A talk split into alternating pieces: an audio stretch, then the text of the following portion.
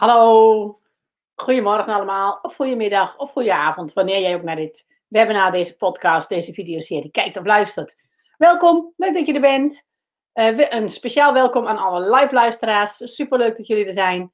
En uh, we gaan vandaag weer beginnen met een nieuwe aflevering van de serie Zaak van Energie. En vandaag gaan we het hebben over winnen en competitie. En, en zoals gewoonlijk, je krijgt weer volop tips en advies we gaan in op een antwoord op een ingediende vraag. En eigenlijk is dit, dit hele webinar een antwoord op één ingediende vraag. Want het webinar heb ik gemaakt naar aanleiding van de vraag van Nancy. Live chat is volop ruimte voor. Dus uh, heb je vragen, plaats ze gewoon in de chat. Ik zie de vragen in beeld en ik ga daarop antwoorden zodra het uitkomt in mijn verhaal. Dus uh, schroom niet en plaats vooral je vragen in de chat als je live meedoet. En dan gaan we lekker aan de slag ik ga eerst nog eventjes mijn camera uitzetten en live naar jullie zwaaien. En dat praat voor mezelf altijd heel veel rustiger. Zo, dan kan ik lekker een beetje bewegen. En maken we die even kleiner. We gaan het vandaag hebben over winnen en competitie. En dat hebben we te danken aan Nancy. Nancy die diende namelijk een hele leuke mail in. Die zei, nou, de webinars heb ik de afgelopen weken met heel veel plezier gevolgd. Vooral het overvloedsdenken vind ik erg boeiend en nog niet zo makkelijk. Ik heb echt het idee dat de wekelijkse webinar me hier heel erg veel over leert, me hier bewust van houdt en ik hierdoor groei in mijn wereld van overvloed. Maar nu vraag ik me af hoe jij de wereld van overvloed ziet samengaan of niet met competitieve sporten. Ik realiseer me natuurlijk dat een competitieve sport er in vele soorten en maten zijn en je op hele verschillende manieren in kan staan en ik ben benieuwd naar jouw visie hierop. Ik heb vroeger altijd fanatiek en op hoog niveau gekorfbald. En daar ging ik zo in op dat ik het licht in de ogen van mijn tegenstanders bijna niet gunde met een paar mooie smileys van, met geschrokken gezichtjes. Dat is natuurlijk puur schaarste denken, jij of ik. Later ben ik gaan tennissen. En toen leerde ik dat je ook met je tegenstander na afloop gewoon een drankje kunt drinken. Die sport speelde zich wel een veel groter deel mentaal af. Ik kan me zo voorstellen dat daar ook veel te winnen is met overvloed. Nou, mijn interesse over dit onderwerp komt voort uit het feit dat ik merk dat competitie in sport tot op zekere hoogte mij echt energie kan geven en een heerlijk gevoel van trots op mijn prestatie. Maar daarnaast weet ik ook dat ik mezelf regelmatig kan vergelijken met anderen, bijvoorbeeld met collega's, en dat dat juist niet voor mezelf werkt. Daarmee haal ik mezelf alleen maar naar beneden. Nou zegt ze, ik ben super benieuwd naar jouw kijk op de wereld van overvloed in combinatie met competitieve sporten. Leuk als je mijn vraag in het webinar wil meenemen of op een andere manier wil beantwoorden. Nou, ik vond dit een hele leuke vraag. Ook een hele goede vraag. Dus ik dacht, ja, daar kan ik inderdaad heel veel over vertellen. En dit is volgens mij ook iets waar we heel veel tegenaan lopen. Niet alleen in de sport, maar zoals Nancy zelf in haar mail ook al aangeeft, ook in je werk. Nou, ook in ons werk zien we de wereld nog wel eens als een competitie. bijvoorbeeld organisaties, bedrijven die vechten voor een marktaandeel. Wij willen de grootste zijn, wij willen de beste zijn. Dan maak je van je werk eigenlijk ook competitie. of soms doe je het gewoon zelf op het moment dat je graag een promotie wilt. op het moment dat je in een competitieve omgeving werkt, en bijvoorbeeld bij adviesbureaus is dat nog wel eens zo. Hè? Er zijn een beperkt aantal plekken voor seniors beschikbaar. Alle juniors denken op dat moment nog dat ze senior willen worden en partner. Dus dat er maar een beperkt aantal plekken is dat ze daar met z'n allen voor moeten knokken. En dan krijg je ook een enorm um, competitieverband. Um, en, en een competitieve sfeer. Maar soms kan het ook anders zijn. Hè? Dat je bijvoorbeeld zegt, nou, er is, ligt een uitdagend project. En we weten eigenlijk nog niet precies hoe we dat moeten oplossen. Maar we willen wel die klant tevreden stellen. Kom, we moeten er met z'n allen als team voor gaan. Maar ook dat is een parallel met de sport waarin je zegt van nou, we willen met z'n allen als team een mooie prestatie neerzetten. Dus die competitie en dat winnen, die zie je ook. Verslik me. Die zie je ook terug ehm, eh, in je werk. En daarom vond ik dit een heel mooi thema. Ik dacht van, nou weet je, uh, want hier is inderdaad heel veel over te zeggen. In combinatie met schaarste en overvloed. Hoe zit dat nou precies? Hoe zit dat nou met schaarste, met overvloed en met competitie? En heeft competitie nou te maken met, waar zit competitie eigenlijk op die, die, uh, die schaal? Die schaal van, van, diep in het rood schaarste naar uh, ver in het groen overvloed. Dat, de wereld ervaren als een passieve last, als uh, knokken, als hard werken, als ploeteren, als zweten, als zwoegen. Vergeleken met de wereld zien als actief vormen, en waarin je gewoon samenwerkt met z'n allen, heel veel mooie dingen doet samen en heel veel moois kunt bereiken. En waar staat sport nou eigenlijk op die schaal? Als je nou naar die schaal kijkt, er zit sport en competitie, zit dat dan in schaarste? Zit dat dan in overvloed? Uh, hoe zit dat in elkaar? Nou. Om daar goed naar te kijken wil ik jullie eerst nog eens even een aantal extra signalen van schaarste denken geven. Deze signalen zijn afkomstig uit het online programma Zacht Werken, waarin ik veel dieper in ga op schaarste en overvloed en uh, je daar veel meer over leer. Um, en een klein stukje uit dat online programma Zacht Werken wil ik vanochtend in dit webinar voor jou herhalen. Dus het is eigenlijk maar één slide uit dat programma, maar dat laat je heel mooi zien wat signalen van schaarste denken zijn, zodat je daar ook in je sport en competitieve werk alert op kunt zijn. Wanneer is er nou eigenlijk iets schaars te denken en wanneer is het overvloed? Nou, een eerste signaal van schaars te denken is bijvoorbeeld dat je nooit genoeg hebt. Dat je een soort levenloze zombie bent, de, de, de levenloze kant van jezelf, die altijd maar meer, meer, meer wil. En natuurlijk is overvloed dus ook meer, meer, meer. Maar dat is eigenlijk omdat er heel veel is wat je wil geven en delen. Nou, als je denkt in overvloed, dan heb je die volle mand met kastanjes. En dan weet je dat elke kastanje is in potentie een kastanjeboom met weer een heleboel kastanjes. En dan kun je weggeven. Dan heb je zoveel over. En dat kan bijvoorbeeld ook gaan om fysieke energie. Nou, als je veel fysieke energie hebt, dan is het heerlijk om te werken. Ik merk dat bij mijn werk op het uh, kasteel, waar ik als vrijwilliger uh, in uh, het bos en in de tuin werk. Ik vind het heerlijk om dan op zo'n op zo'n grote bloemenbed te storten, wat, waar het onkruid net te veel op is gekomen de afgelopen weken met de regen. Dat staat toch wel behoorlijk veel onkruid inmiddels. Maar heerlijk om daar met fysieke energie aan te geven. Dat is een vorm van overvloed. Het schaarste is dus, ik heb niet genoeg. Ik moet meer, meer, meer. Overvloedsdenken bij mij is meer van, nou, ik heb zoveel fysieke energie. Ik vind dat leuk om dat aan dat bos te geven. En om daarmee te zorgen dat het bos en het land goed mooi blijft. Het grappige is ook dat ik dan die energie daar weggeef, bouw ik natuurlijk een enorme conditie op. En heb ik over een uh, maandje heb ik nog weer meer energie om weg te geven. En nog weer meer en nog weer meer. En dus het, het, schaarste denken staat daar tegenover. Dus eigenlijk, je hebt nooit genoeg. Het is niet, je geeft niet omdat je te veel hebt. Maar je wilt hebben omdat je te weinig hebt. Je hebt niet genoeg. Het, het, er is schaarste, er is tekort. En dan moet je voor zweten, zwoegen, ploeteren omdat je meer wilt hebben. En dat heeft dus niets te maken met je feitelijke situatie. Want ik kan dus ook in die moestuin staan vanuit schaarste. Vanuit, ja, er is zoveel onkruid, ik moet hard werken, uh, we komen hier nooit doorheen, ik moet ploeteren, hè, het is niet genoeg. Terwijl ik daar nu sta vanuit overvloed, van goh, wat heb ik veel energie en wat is het heerlijk om die energie hier te geven. Nou, een ander voorbeeld van schaarste denken is dat je denkt, de wereld is niet oké. Dat moet eerst worden opgelost. En dit is een hele venijnige. Deze zie je op heel veel plekken terug. Juist bij wereldverbeteraars. Die hebben dus het idee van, ja, ik ben soms ook van, ik ben verlicht, ik ben verheven, ik heb het licht gezien en ik zie hoe de wereld in elkaar zit. En het gaat gewoon helemaal niet goed met de wereld. En dat moet eerst worden opgelost en dan kan ik gelukkig zijn. Dat is ook een hele subtiele vorm van schaarste denken.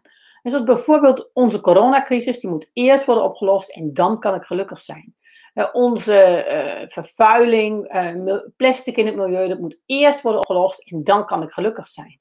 Terwijl je dat ook andersom kunt zien. Hè? Ik merk als ik op zaterdagochtend um, vrije zaterdag heb en ik heb alle tijd en goh, ik ga lekker na het ontbijt ga ik een rondje buiten wandelen. En dan neem ik mijn schepnetje mee en dan ga ik heerlijk hier in de buurt overal, neem ik een vuilniszak mee en een schepnetje. En dan ga ik heerlijk overal plastic uit de vijvertjes vissen en bergers plastic vrijmaken en stukjes opruimen.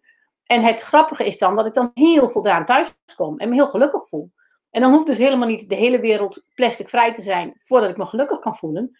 Maar omdat ik dan de energie die ik over heb, gegeven heb aan de wereld om plastic op te ruimen, ben ik gewoon nu, hier en nu, zaterdagochtend om 11 uur, ben ik gelukkig.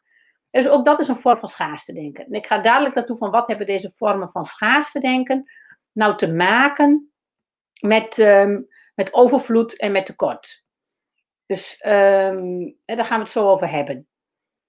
Um, een andere vorm van schaarste denken is, um, en in relatie tot competitie, wat heeft dat te maken met competitie? Een andere vorm is, je kunt straks gelukkig zijn en niet nu. Hè. Die zit dus ook al een beetje in het verlengde van die vorige.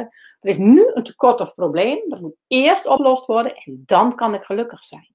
Maar deze zie je dus soms ook al wel in sport terugkomen. En bijvoorbeeld dat je denkt, ik kan straks gelukkig zijn als ik deze tenniswedstrijd heb gewonnen. In plaats van, ik ben nu gelukkig, want ik vind tennissen heerlijk en ik sta nu zo lekker te tennissen. En dat is al een, een klein voorbeeldje van hoe dat zit met, met competitie en sport.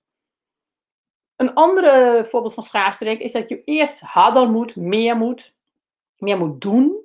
En daarna kun je pas gelukkig zijn. En dus ik moet eerst die 50.000 euro omzet verdienen in mijn bedrijf, of die 100.000 euro, of die miljoen. En dan kan ik gelukkig zijn. In plaats van, ik kan nu gelukkig zijn omdat ik het heerlijk vind om met mijn bedrijf toe te werken naar 50.000 euro omzet, 100.000 euro omzet, een miljoen omzet. Wat geeft me dat een plezier? Het is een, je kunt hetzelfde doen, maar vanuit overvloed en schaarste kijk je daar heel verschillend tegenaan. Dus een signaal van schaarste denken is steeds en dat het nu niet genoeg is en dat je daar waar je gelukkig voor kunt worden, dat je dat buiten jezelf legt en in de toekomst legt. En een andere vorm is, er is strijd nodig om te winnen. wij gaan de revolutie maken. Wij weten hoe de wereld in elkaar zit. Wij weten dat plasticvervuiling heel slecht is. Dus wij gaan ervoor zorgen dat iedereen vanaf nu geen plastic meer gebruikt. Of wij vinden biologisch eten en verantwoorde landbouw heel belangrijk. Dus er moet een revolutie komen. En wij moeten die, en het is een strijd, ook tegen een ander in de buitenwereld. Die strijd moeten wij winnen. En als we die strijd hebben gewonnen, dan kunnen we gelukkig zijn. En wat je op zo'n moment vaak niet realiseert, is dat je eigenlijk een dualiteit in jezelf creëert, wij versus zij. En dat je gewend raakt aan die dualiteit en dat dat jouw stijl van leven wordt. En dat zie je heel vaak gebeuren ook bij ondernemers. Die bijvoorbeeld zeggen, nou, ik heb dat gelddoel, ik wil 50.000 euro omzet maken. Als je dat dan hebt gehaald, dan heb je dus zo'n doel buiten jezelf gelegd. En dan moet je acuut een nieuw doel buiten jezelf leggen om weer op die manier te blijven werken. En dan blijf je dus eigenlijk continu in die schaarste ook hangen. Omdat je steeds dat doel buiten jezelf legt, dat de wereld anders zou moeten zijn voordat jij gelukkig kunt worden.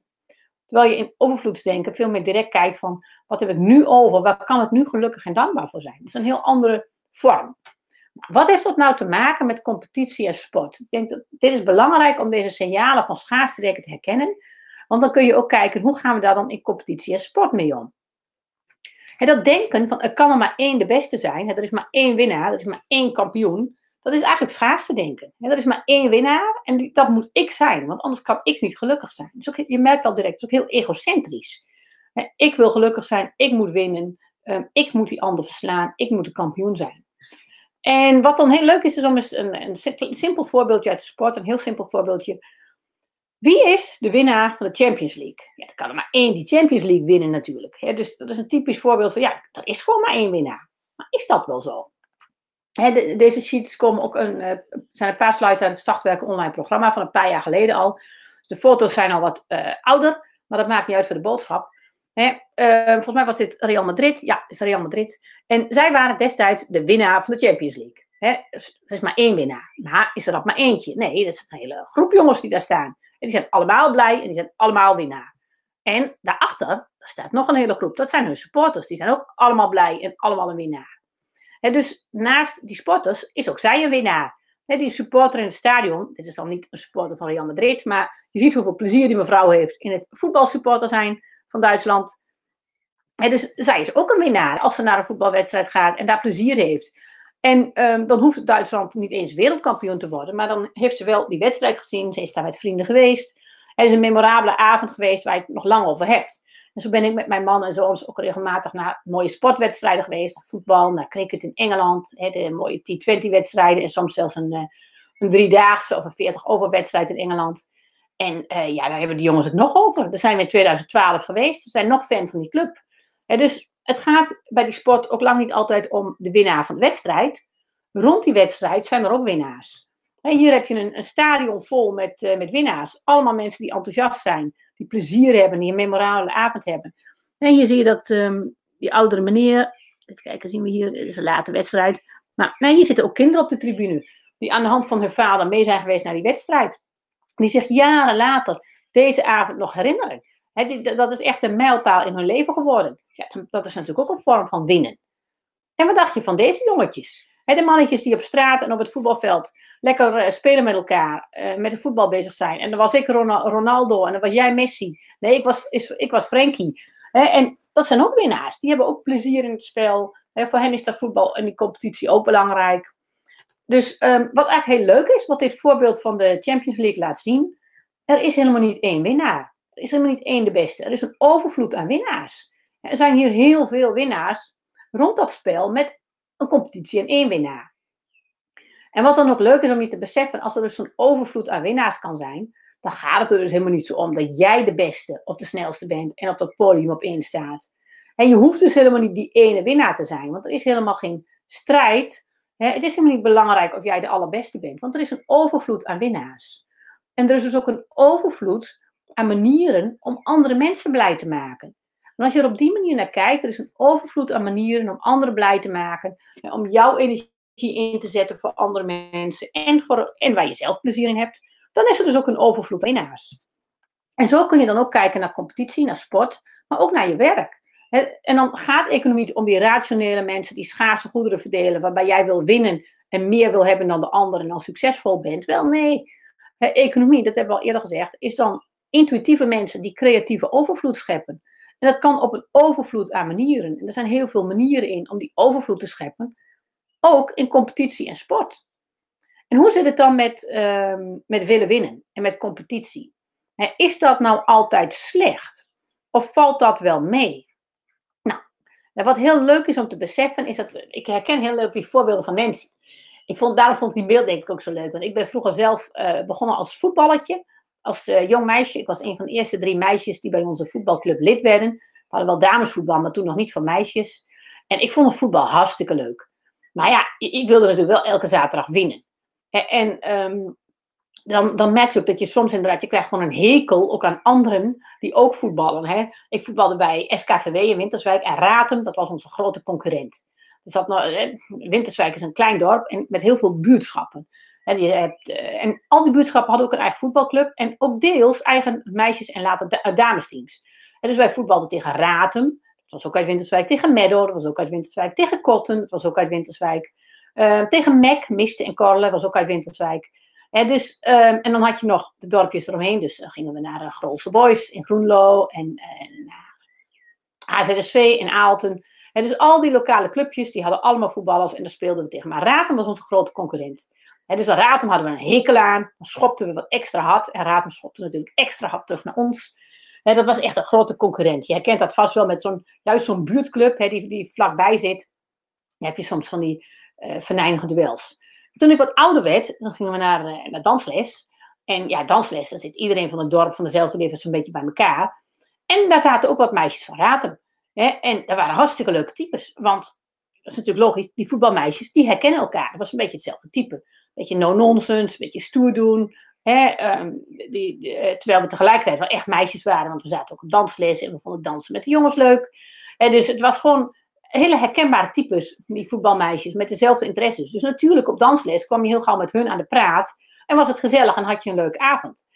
En um, dan ontdek je ook van, hé, hey, die concurrent van mij, diegene waar ik, die ik altijd zag als competitie, waar ik van moest winnen, die is eigenlijk heel leuk en aardig. En dat is eigenlijk net zo'n type als ik. En daar kan ik heel veel plezier mee hebben. Dus dat rekte voor mij het begrip van die competitie ook al behoorlijk op. Dat ik merkte van, hé, hey, dat is eigenlijk raar dat ik die altijd als vijand zie. Want het is gewoon een vriendin en iemand die net zo is als ik. Wat leuk.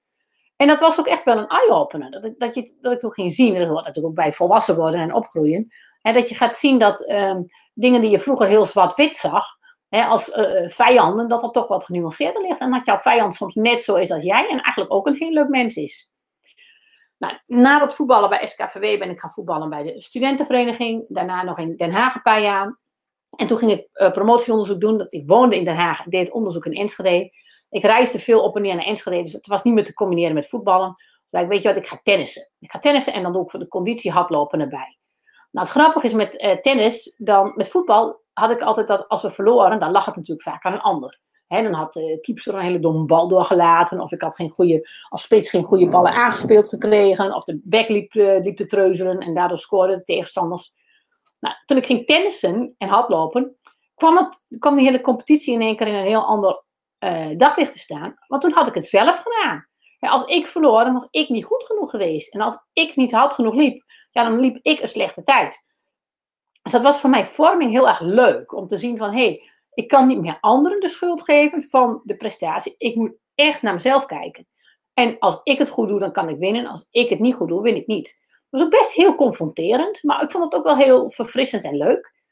En wat toen interessant was, was dat ik merkte, van, uh, bij, met name bij het hardlopen, maar ook bij de tennissen, je hebt natuurlijk een oneindig aantal mensen boven je dat beter is. Er is een overvloed aan betere hardlopers dan ik. Dus ik ging op een gegeven moment ook niet meer hardlopen tegen de ander, maar tegen mezelf. Ik wilde mijn eigen tijden verbeteren. En dat was heel leuk, want daardoor ging ik het beste uit mezelf halen. En mezelf verbeteren, uh, harder trainen, uh, beter op mijn eten letten, op mijn gewicht letten. Zorg dat ik lekker fit was. Dat was een hele tijd heel leuk. Totdat ik ontdekte van, hé, hey, ik heb eigenlijk een keer hè, met ideale omstandigheden, ik was heel fit, het was ideaal weer, bijna windstil, niet te warm, ik was goed getraind, lekker uitgerust, rustig op mijn werk gehad, tussen een paar projecten in. En ik liep die perfecte tijd. En daarna werd het heel lastig om die perfecte tijd nog te halen. Dan moest ik zwaarder gaan trainen. Maar dan raakte mijn knie overbelast. Dus het werd continu schipperen tussen mijn zere knie en mijn beste tijd. En toen merkte ik ook iets heel belangrijks. Toen merkte ik, ja, dat, dat willen winnen, dat zorgt er eigenlijk voor dat ik een verliezer word. Want doordat ik zo nodig wil winnen, loop ik een, niet mijn beste tijd. En dat zit er vandaag niet in, want het is gewoon warmer, het is een zwaardere race, het is drukker op het parcours. En dan ben ik ontevreden. Of ik loop een betere tijd, maar dan moet ik harder trainen en dan loop ik eigenlijk mijn knie kapot. En dat is ook niet goed. dus doordat ik alles maar wilde winnen, werd ik eigenlijk een verliezer. En um, op een gegeven moment moest ik vanwege een zwangerschap, had ik na mijn zwangerschap had ik last van mijn heup. En toen kon ik niet hardlopen door een heupblessure, toen ben ik gaan fietsen. Op de wielrenfiets. En toen dacht ik, dit ga ik anders aanpakken. Ik ga dat fietsen niet meer competitief doen. Ik wil niet meer winnen van anderen of van mezelf. Ik ga fietsen voor mijn plezier. Gewoon voor het plezier van op de fiets zitten, buiten zijn en de natuur zien. En toen ben ik ook begonnen met een blog. Dat blog heette Rondje Fietsen. Misschien, misschien, is het zelfs nog wel in de lucht als je erop zou googlen, maar het is al een oude blog, want ik, eh, ik heb hem al een tijd niet meer gevuld. Maar wat ik toen deed, is ik ging rondjes fietsen. En dan schreef ik op waar ik zo'n beetje gefietst had. Dat was nog ver voor de tijd van Strava en de GPS, dus dat kon je toen nog niet bijhouden. Dat hield ik dan een beetje handmatig bij. En onderweg, als ik op een mooi plekje kwam, dan sprong ik van de fiets. En dan maakte ik een paar foto's en dan fietste ik weer door. En s'avonds thuis dan maakte ik daar een kort verhaaltje van, waardoor ik nog eens terugkeek op mijn rondje. En dat was super leuk. En toen merkte ik ook van, hé, dat um, willen winnen in competitie, dat heeft me eigenlijk altijd van best veel plezier in de sport afgehouden. Want juist doordat ik dat fietsen zo recreatief en ontspannen deed, en zat ik met heel weinig stress op de fiets, ging mijn conditie heel snel vooruit, werd ik heel snel beter. En kon ik ook heel snel bij betere groepjes aanhaken. Waardoor ik weer competitief en prestatief werd en meer, meer, meer wilde. Dus ik ontdekte toen met die sport ontzettend die valkuil van uh, meer, meer, meer willen. En het pure plezier in de sport. En hoe dat een, ja, een hele uh, delicate balans is, in mijn hoofd in elk geval, tussen schaarste en overvloedsdenken. En natuurlijk heb ik bij dat hardlopen en tennissen en voetballen ook jarenlang heel veel plezier en lol en overvloed gehad. Maar als ik te veel in die competitie schoot van ik wil winnen, hè, van die ander of van mezelf, dan schoot ik daarna ook eigenlijk heel vaak wel in schaarste. Aan de andere kant merkte ik toch ook wel dat dat winnen wel leuk was en me ook wel voldoening gaf. Precies zoals in de mail van Nancy. Dus hoe zit dat dan? Is competitie en winnen dan altijd slecht of valt dat wel mee? Nou, wat goed is om te beseffen, is dat het leuk is om maximaal je best te doen. En dat merkte ik ook bij dat rondje fietsen. Het was heel erg leuk om op de fiets te zitten en een beetje rond te toeren en leuke fotootjes te maken. Maar het was ook leuk om af en toe eens te zeggen: Weet je, het is nu wind tegen, dus windkracht 6. Ik pak die racefiets en ik ga gewoon eens even lekker 20 kilometer tegen de wind inklunen. He, en eh, ik fiets niet zo super ver, dus 20 kilometer echt vol op mijn best doen tegen de wind in. Dan nog eens 20 kilometer, gewoon wat rustiger tegen de wind in. En dan heerlijk nog eens 40 eh, kilometer met de wind mee naar huis. Dan had ik 80 kilometer gefietst. En dan was ik helemaal uitgeput, maar totaal voldaan. Dat merk ik nu bij mijn werk in het bos ook weer. En toen ik daar in de winter begon, moesten we af en toe boomstammen uit de hakhoutbosjes slepen. Nou, dat was gewoon fysiek zwaar werk. Hè? Tillen, bukken, sjouwen. Nou, ik merkte, het was gewoon heerlijk. Ik kwam s'avonds zo voldaan thuis. En dat is natuurlijk een belangrijk stuk van competitie. Het is leuk om maximaal je best te doen. En je best doen, dat zorgt namelijk ook voor aandacht en flow. En daarvoor moet je je aandacht erbij houden. Kun je niet aan allerlei andere dingen denken. En die opperste aandacht, die zorgt ervoor dat je in het nu moet zijn, in het moment. Waardoor je ook in flow komt. In een soort uh, eenheidservaring met het al. Waardoor je aan de ene kant ook een deel connectie met dingen kwijtraakt. Maar ook helemaal opgaat in wat je doet. Je wordt één met wat je doet. Dat wordt ook haast een deel van je identiteit. Je voelt je alsof je dat bent. En dat geeft je een ultiem geluksgevoel. Er zijn heel veel boeken al over verschenen, over dat flow, het fenomeen. En dat is echt iets heel leuks en moois en fijns. En door dus maximaal je best te doen, ook in de sport, kun je in die, uh, die energie van aandacht en flow komen. En dat geeft gewoon een heel fijn gevoel. En dat merk je dan ook met competitie. Hè? Op het moment dat je dan in een groep rijdt en met z'n allen je best doet om te gaan winnen, dan daagt die competitie daagt je ook uit om je best te doen. Om dat beste uit jezelf te halen. En om, dan kan die competitie er dus ook voor zorgen dat je in de flow komt. En hè, elke sporter die naar een wedstrijd toe werkt, die weet dat, dat een training is vaak ook veel leuker als je toewerkt naar een, uh, naar een topprestatie, naar een wedstrijd van aanstaande zaterdag. Of naar een marathon die je over een half jaar of een jaar gaat lopen. Zo'n zo'n competitie, zo'n doel daagt je uit om je best te doen. En ik denk dat dat een heel belangrijk uh, punt is om te beseffen als het gaat om competitie, sport en winnen. Winnen is een middel en niet het doel. En zoals we vorige week al zeiden bij doelen stellen, hè, dan is het doel is eigenlijk niet het doel, maar het beginpunt. Zo kun je ook naar winnen en competitie kijken. je kunt al zeggen van nou, winnen dat is een middel. En winnen is niet het doel.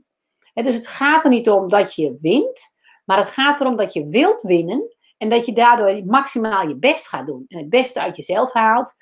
En dan krijg je dus de kans dat je tijdens je trainingen of wedstrijden in die eenheidservaring komt. En die eenheidservaring met het al ervaart. En dat is enorm leuk. En dan kan winnen je dus ook helpen aan dat gevoel van overvloed. Aan dat gevoel van plezier. Van, goh, ik wil mijn energie steken in de sport. Ik wil mijn energie steken in Ehm, maximaal bezig zijn, een lichaam ontwikkelen. Maar het is ook belangrijk om dan te beseffen dat je ook goed voor je lichaam zorgt en naar je lichaam luistert. He, waar ik toen tegenaan met die overbelaste knie, die knieblessure, dat, die is ontstaan doordat ik daar niet goed naar luisterde. En doordat ik dat geforceerd heb. En dat zie je dan ook vaak met, als je dus kost wat kost wil winnen, dan schiet je in die schaarste modus. En dan ga je verkrampen en dan ga je ook forceren. En dan gaat het ten koste van dingen. En dan gaat het ten koste van andere meisjes van Ratem die jij tegen hun schenen schopt. Wat helemaal niet netjes is en gewoon niet hoeft. of ten koste van je eigen knie, waar je maar overheen gaat en maar door blijft gaan, omdat je die wedstrijd van aanstaande zaterdag wil winnen. en ook wel je team niet in de steek wil laten en dat wil zijn. En, maar dat is gewoon, ehm, ja, dat is dan niet de, de, de overvloedsmanier van, van denken en competitie. Terwijl de overvloedsmanier van kijken naar competitie en winnen, dat is dan van ik heb energie. Ik wil die energie ergens voor inzetten wat ik leuk vind, wat voor mij belangrijk is. En dat kan ook zijn, hè, die marathon gaan lopen. Of die vijf kilometer wedstrijd gaan lopen. Hè. Voor het eerst is een vijf kilometer uitlopen achter elkaar. Dat doel maakt dan helemaal niet zoveel uit. Het gaat om dat een doel is dat, dat een doel is dat voor jou zinvol is. Dat voor jou waarde heeft. Waar je, waar je naartoe werkt. En dat toewerken naar het doel, dat, dat, kan, je dan, dat kan gewoon ontzettend leuk zijn. Om het beste uit jezelf te halen om te zorgen dat je ehm, lekker je best doet. En dat, dat plezier van maximaal je best doen. En dat is heel belangrijk om toch plezier in dat moment te beseffen. En dus op het moment dat je naar die marathon toewerkt, dat je niet te veel denkt over die marathon in oktober of die vijf kilometer in december die je wil lopen, maar het plezier dat je nu aan deze training hebt beleefd. En ik denk als je daarna terug kunt, naar het plezier in het hier en nu, en de dankbaarheid in het hier en nu, de overvloed in het hier en nu ervaren. Als je dat lukt, dan kun je dus prima sporten en competitie ervaren in overvloed in het hier en nu. En dan kun je dus ook ehm, keihard iemand op tennisbaan alle hoeken van de baan willen laten zien. En uh, van iemand willen winnen. En um, na, de, na de wedstrijd gaat het dan ook om het plezier dat jij hebt gehad in het spel. Dus in de, de ballen. Vaak ga je dan ook meer plezier hebben in hoe jij de ballen raakte. In plaats van of die punt nou in of uit was en of je daarmee van de ander won. Want dat is wel wat meer de verkramping van de schaarste waar je dan inschiet.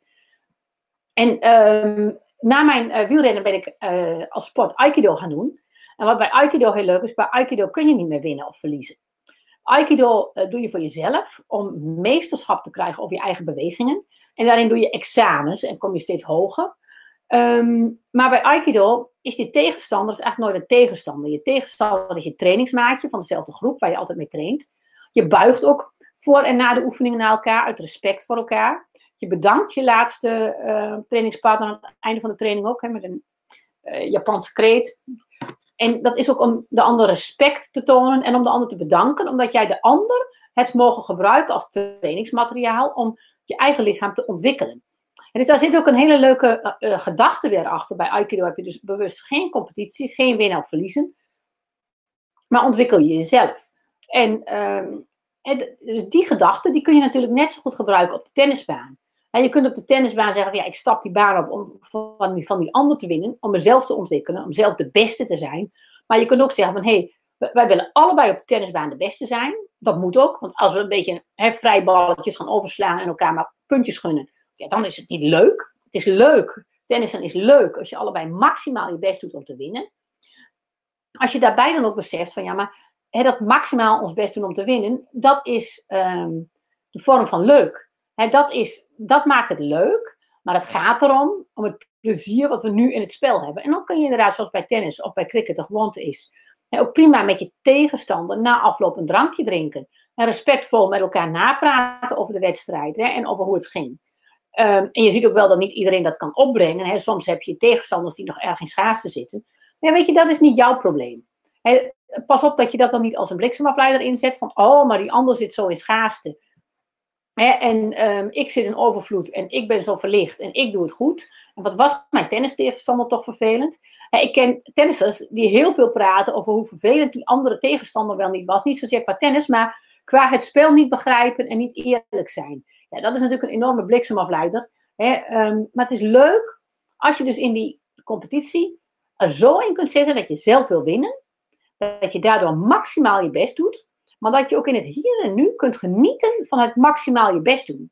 dus dat het um, winnen minder het doel is. En dat het uh, maximaal je best doen, dat dat eigenlijk is waar het om gaat. Ook gewoon plezier in het hier en nu in het spel. En um, bij onze cricketclub hier in Voorburg hebben we een, uh, een ex-international, die ook record international is, heel veel interlands heeft gespeeld, Tim de Leden. En hij is uh, de trainer van mijn jongste zoontje, ook van mijn oudste geweest. Dus ik ken hem goed. En die heeft ook heel erg deze mentaliteit in het cricket gehad. Hij is van een topsporter. Heel veel, uh, ja, van de beste Nederlandse cricketers. En die heeft heel erg deze mentaliteit, ook naar de kinderen toe. Hij zegt, ja, kinderen moeten het spelletje leuk vinden. Ze moeten er gewoon plezier in hebben. En dan natuurlijk willen we winnen en willen we het slim doen. Maar hij staat dus ook nooit als trainer langs de kant te schreeuwen om deze wedstrijd te winnen. Hij laat de kinderen soms foute beslissingen nemen, waardoor ze zelfs een kampioenswedstrijd om het landelijk kampioenschap kunnen verliezen. En dan gaat hij na de tijd met de captain en met het team om de tafel zitten en zegt hij van, nou, wat ging er nu mis? en wat besloten jullie daar? En hoe, hoe zou je dat de volgende keer doen? En dan zegt hij ook met een grote grijns, dat doen ze nooit meer fout. En dus um, die zit, zit veel minder in het willen winnen, maar heel erg in het willen ontwikkelen. En ook in het genieten van het spel. Dus genieten van het hier en nu. het is belangrijk dat die kinderen een mooie middag hebben. En dan krijgen ze plezier in cricket. En dan gaan ze heel veel cricketen. En dan worden ze vanzelf goed. Nou, ik vind dat een hele mooie uh, mentaliteit van hè, winnen, verliezen. En hoe kun je omgaan met die competitie. Hè, dat winnen en verliezen. En overvloed en schaarste. Dus samenvattend. Hè, het gaat er dus niet om de beste zijn. Want er is een overvloed aan winnaars. Zoals je zag in het voorbeeld van de Champions League en Real Madrid. En um, je kunt dus ook een winnaar zijn als je die cricketwedstrijd verloren hebt, maar wel heel veel geleerd hebt. Of jezelf ontwikkeld hebt. Of um, gewoon plezier in het spel gehad hebt en het beste uit jezelf hebt gehaald. Als je die flow-ervaring hebt gehad.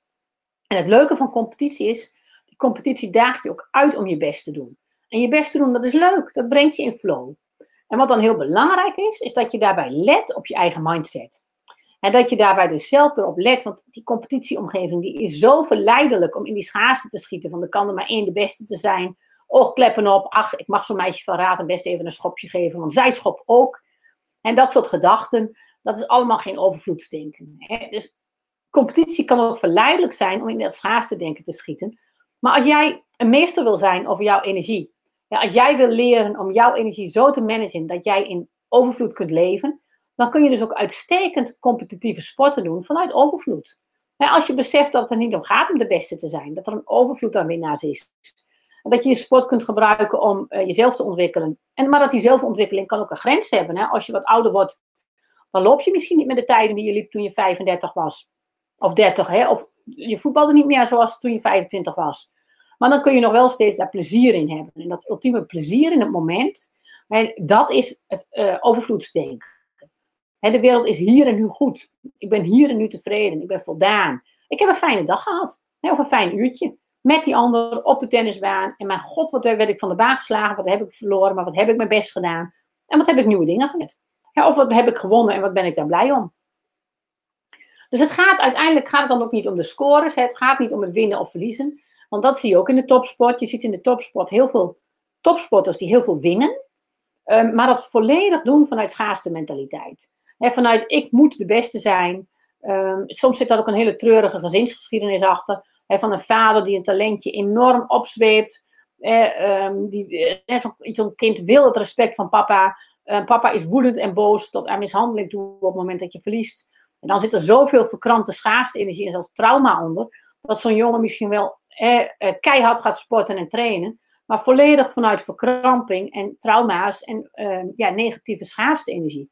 En dan kun je wereldkampioen worden in je sport. En ik denk dat je dan toch een verliezer blijft. Terwijl ik denk dat als je vanuit overvloed kunt kijken naar competitie en vanuit overvloed zelf in een competitie kunt staan, dan ben je een echte winnaar. En dan ben je een echte kampioen. En hoe dat gebeurt, dat gebeurt uiteindelijk vooral in jouw hoofd. En daar ben jij de baas over. En dat kun jij jezelf ook gaan leren. Dus ook dat denken in overvloed, dat is ook iets wat misschien niet vanzelf gaat. En misschien niet in één keer. En misschien kun je dat nog niet.